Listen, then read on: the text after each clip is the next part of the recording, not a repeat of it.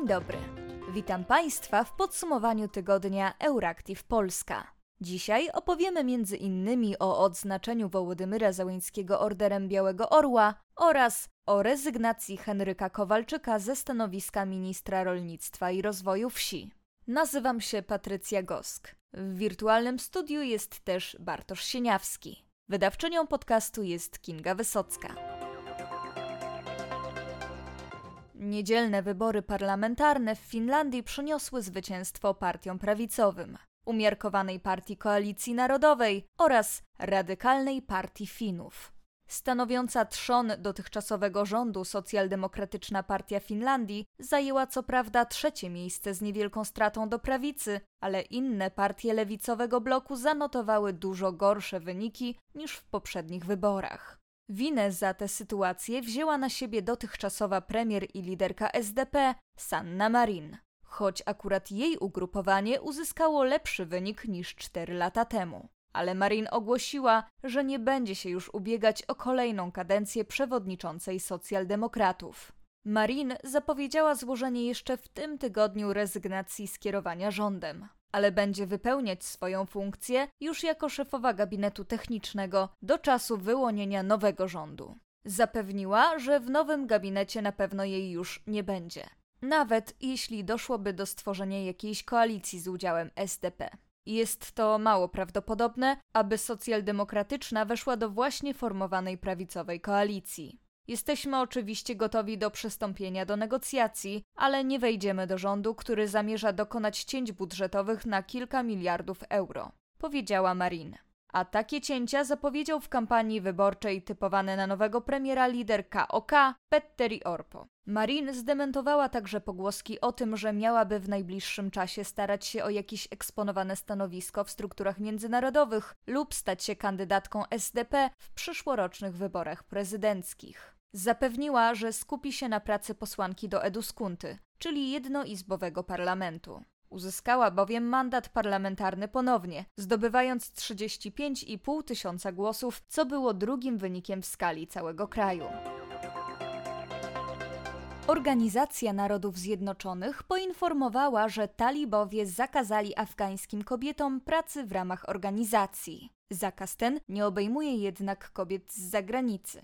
Według ONZ afgańskie władze w prowincji Nangarhar we wschodnim Afganistanie poinformowały ustnie organizację, że afgańskie kobiety nie mogą dłużej pracować w ONZ, co według organizacji jest nieakceptowalne i niepojęte. To najnowszy ruch związany z niepokojącym trendem zmniejszania możliwości organizacji pomocowych do docierania do najbardziej potrzebujących stwierdził rzecznik prasowy ONZ i dodał, że organizacja nie jest w stanie funkcjonować i dostarczać pomocy ratującej życie bez kobiecego personelu. Z całą mocą potępiam zakaz pracy wydany w prowincji Nangarhar dla naszych afgańskich koleżanek. Jeśli zakaz ten zostanie utrzymany, to znacząco zmniejszy on możliwość niesienia pomocy ratującej życie potrzebującym, stwierdził z kolei sekretarz generalny Antonio Guterres. W związku z wprowadzeniem zakazu ONZ nakazało wszystkim swoim pracownikom w Afganistanie pozostanie w domu przez 48 godzin. Organizacja liczy na to, że dojdzie do porozumienia z talibami. Elizabeth Bourne spotkała się 5 kwietnia z przedstawicielami związków zawodowych. Nie uzyskali oni obietnicy wycofania reformy emerytalnej, dlatego wzywają do ponownej mobilizacji. Po raz pierwszy od stycznia premier Elizabeth Bourne przyjęła reprezentantów głównych związków zawodowych w kraju. Podczas gdy organizacje liczyły na wycofanie reformy emerytalnej, Bourne zaznaczyła, że ta zostanie utrzymana. Pod koniec spotkania sekretarz generalny francuskiej Demokratycznej Konfederacji Pracy Laurent Berger uznał decyzję za kryzys demokratyczny. Z kolei nowy szef Powszechnej Konfederacji Pracy mówił o zradykalizowanym, tępym i oderwanym od rzeczywistości rządzie. Związki wezwały do kontynuowania protestów. Kolejnym krokiem z niecierpliwością oczekiwanym przez przeciwników reformy jest decyzja Rady Konstytucyjnej, która musi rozstrzygnąć o legalności tekstu. Ma się to stać 14 kwietnia.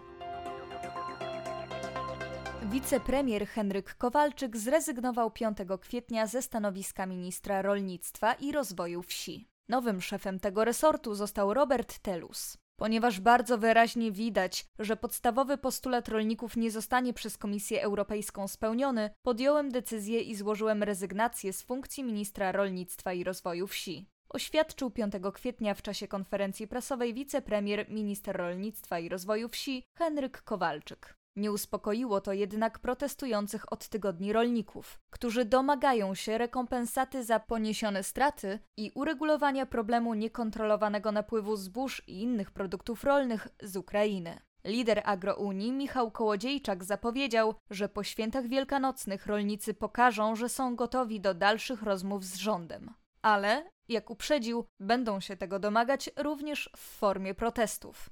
Były minister zapewnił także, że porozumienie z rolnikami jest realizowane i podejmowane są kolejne działania. W oświadczeniu opublikowanym na stronie internetowej resortu przypominał, że jednym z punktów porozumienia Okrągłego Stołu Rolniczego było zobowiązanie dotyczące wystąpienia do Komisji Europejskiej o uruchomienie klauzuli ochronnej w zakresie importu bezcłowego i bezkontyngentowego zboża z Ukrainy. Kowalczyk podkreślił ponadto, że polski rząd wspólnie z rządami Słowacji, Rumunii, Węgier i Bułgarii przekazał taki wniosek Komisji Europejskiej. Ta opublikowała jednak projekt przedłużenia bezcłowego i bezkontyngentowego importu zbóż z Ukrainy na kolejny rok który ma obowiązywać od czerwca 2023 roku do 5 czerwca 2024 roku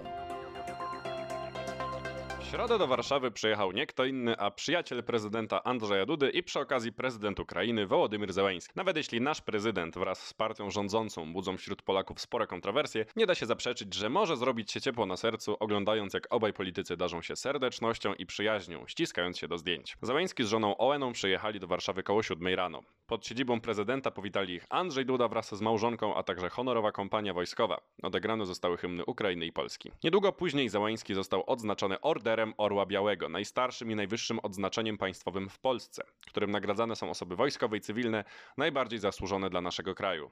Order otrzymują zarówno Polacy, jak i najwyżsi przedstawiciele innych państw. Order nadano Załańskiemu w uznaniu zasług w pogłębianiu stosunków między Polską a Ukrainą, za działalność na rzecz bezpieczeństwa, niezłomność w obronie praw człowieka. Nie ma wątpliwości, że jesteś, Wołodymyrze Załański, wyjątkowy. Trudno ukryć łzy wzruszenia, obserwując Twoją służbę wobec ojczyzny. Nie porzuciłeś ani Ukrainy, ani swoich rodaków. Jesteś wzorem przywódcy państwa i narodu, mówił Andrzej Duda, wręczając odznaczenie. Załański w Polsce odbył szereg spotkań z przedstawicielami świata polityki i biznesu. Wieczorem prezydenci Polski i Ukrainy wygłosili wspólne przemówienie pod Zamkiem Królewskim w Warszawie. Ukraińską głowę państwa witał tłum zwolenników i sympatyków. To pierwsza oficjalna wizyta Załęskiego w Polsce od dnia wybuchu rosyjskiej inwazji na Ukrainę. Rosja nie jest zadowolona. Finlandia 4 kwietnia, w 74. rocznicę powstania sojuszu, dołączyła do NATO. W związku z tym granica rosyjsko-aliancka wydłużyła się o ponad 1300 km podmokłego, górzystego i zalesionego terenu, pełnego wyspecjalizowanych w tych warunkach fińskich żołnierzy i terytorialców. To najszybsza akcesja do sojuszu w historii. Wszystkie 30 krajów zrzeszonych w NATO zaakceptowało przyjęcie Finów do sojuszu, w związku z czym Helsinki stały się 31. stolicą paktu. Akcesja do NATO jest dobra dla Finlandii, dla bezpieczeństwa regionu nordyckiego i dla NATO jako całości, stwierdził przewodniczący sojuszu Jens Stoltenberg po tym, jak flaga Finlandii została uroczyście wciągnięta na maszt obok 30 pozostałych członków NATO. Na akcesję do paktu nadal czeka Szwecja. Eksperci spodziewają się, że Szwedzi dołączą do NATO jeszcze w tym roku, jednak ten krok nadal muszą zaakceptować Turcy, znajdujący się w napiętych relacjach ze Sztokholmem. Belgijscy i niemieccy policjanci przeprowadzili nalot na brukselską siedzibę chadeckiej Europejskiej Partii Ludowej, do której należy m.in. Polska Platforma Obywatelska. Zabezpieczone zostały komputery i inne urządzenia elektroniczne, mogące być wykorzystane jako materiał dowodowy w sprawie antykorupcyjnej prowadzonej w Niemczech. Mario Voigt, y, obecny lider CDU w Turyngii, podejrzewany jest o nieprawidłowości w przyznaniu kontraktu na kampanię cyfrową firmie ze swojego landu. Sprawa dotyczy kampanii wyborczej prowadzonej dla Manfreda Webera, obecnego lidera EPL w 2019 roku. We wrześniu ubiegłego roku turyński parlament krajowy uchylił immunitet Wojtowi.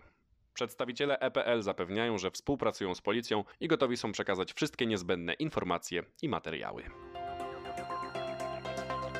Nad Polską zbierają się najczarniejsze z możliwych chmur. Burzowe chmury przedwyborcze. Wybory parlamentarne już jesienią, a my powoli zagłębiamy się w napięcie i stres związany z kampanią wyborczą. Dotychczas strony walki w sondażach były dwie: PiS i opozycja. Wszystkie partie zostały uwzględnione w tej narracji. Czy na pewno wszystkie? Nie. Jedna mała konfederacja wciąż była praktycznie pomijana i lekceważona przez obie strony konfliktu, aż do teraz. Opublikowany niedawno sondaż wskazuje na to, że radykalnie prawicowa partia może stać się trzecią siłą polityczną w polskim parlamencie. Czy to oznacza, że zarówno opozycja, jak i PiS będą się teraz umizgiwać do narodowców i leseferystów z Konfederacji? Nie do końca. Pomysł wspólnej koalicji PiS-Federacji krytycznie oceniają zarówno politycy jednej, jak i drugiej strony. Projekt nie jest jednak całkowicie przez nich odrzucany. Inaczej uważają ankietowani Polacy, którzy aż w 60% są przeciwni takiemu rządowi. Opozycja w ogóle nie bierze pod uwagę dogadywania się z nacjonalistami. Do wyborów jednak jeszcze daleko i nawet jeśli nikt nie przygarnie konfederatów pod swoje skrzydła, możemy się spodziewać nieśmiałych, wolnorynkowych i nacjonalistycznych postulatów ze strony największych politycznych obozów, żeby zapewnić sobie głosy zwolenników konfederacji. To już wszystko w dzisiejszym podsumowaniu tygodnia redakcji Euractiv Polska. Życzymy Państwu miłego weekendu.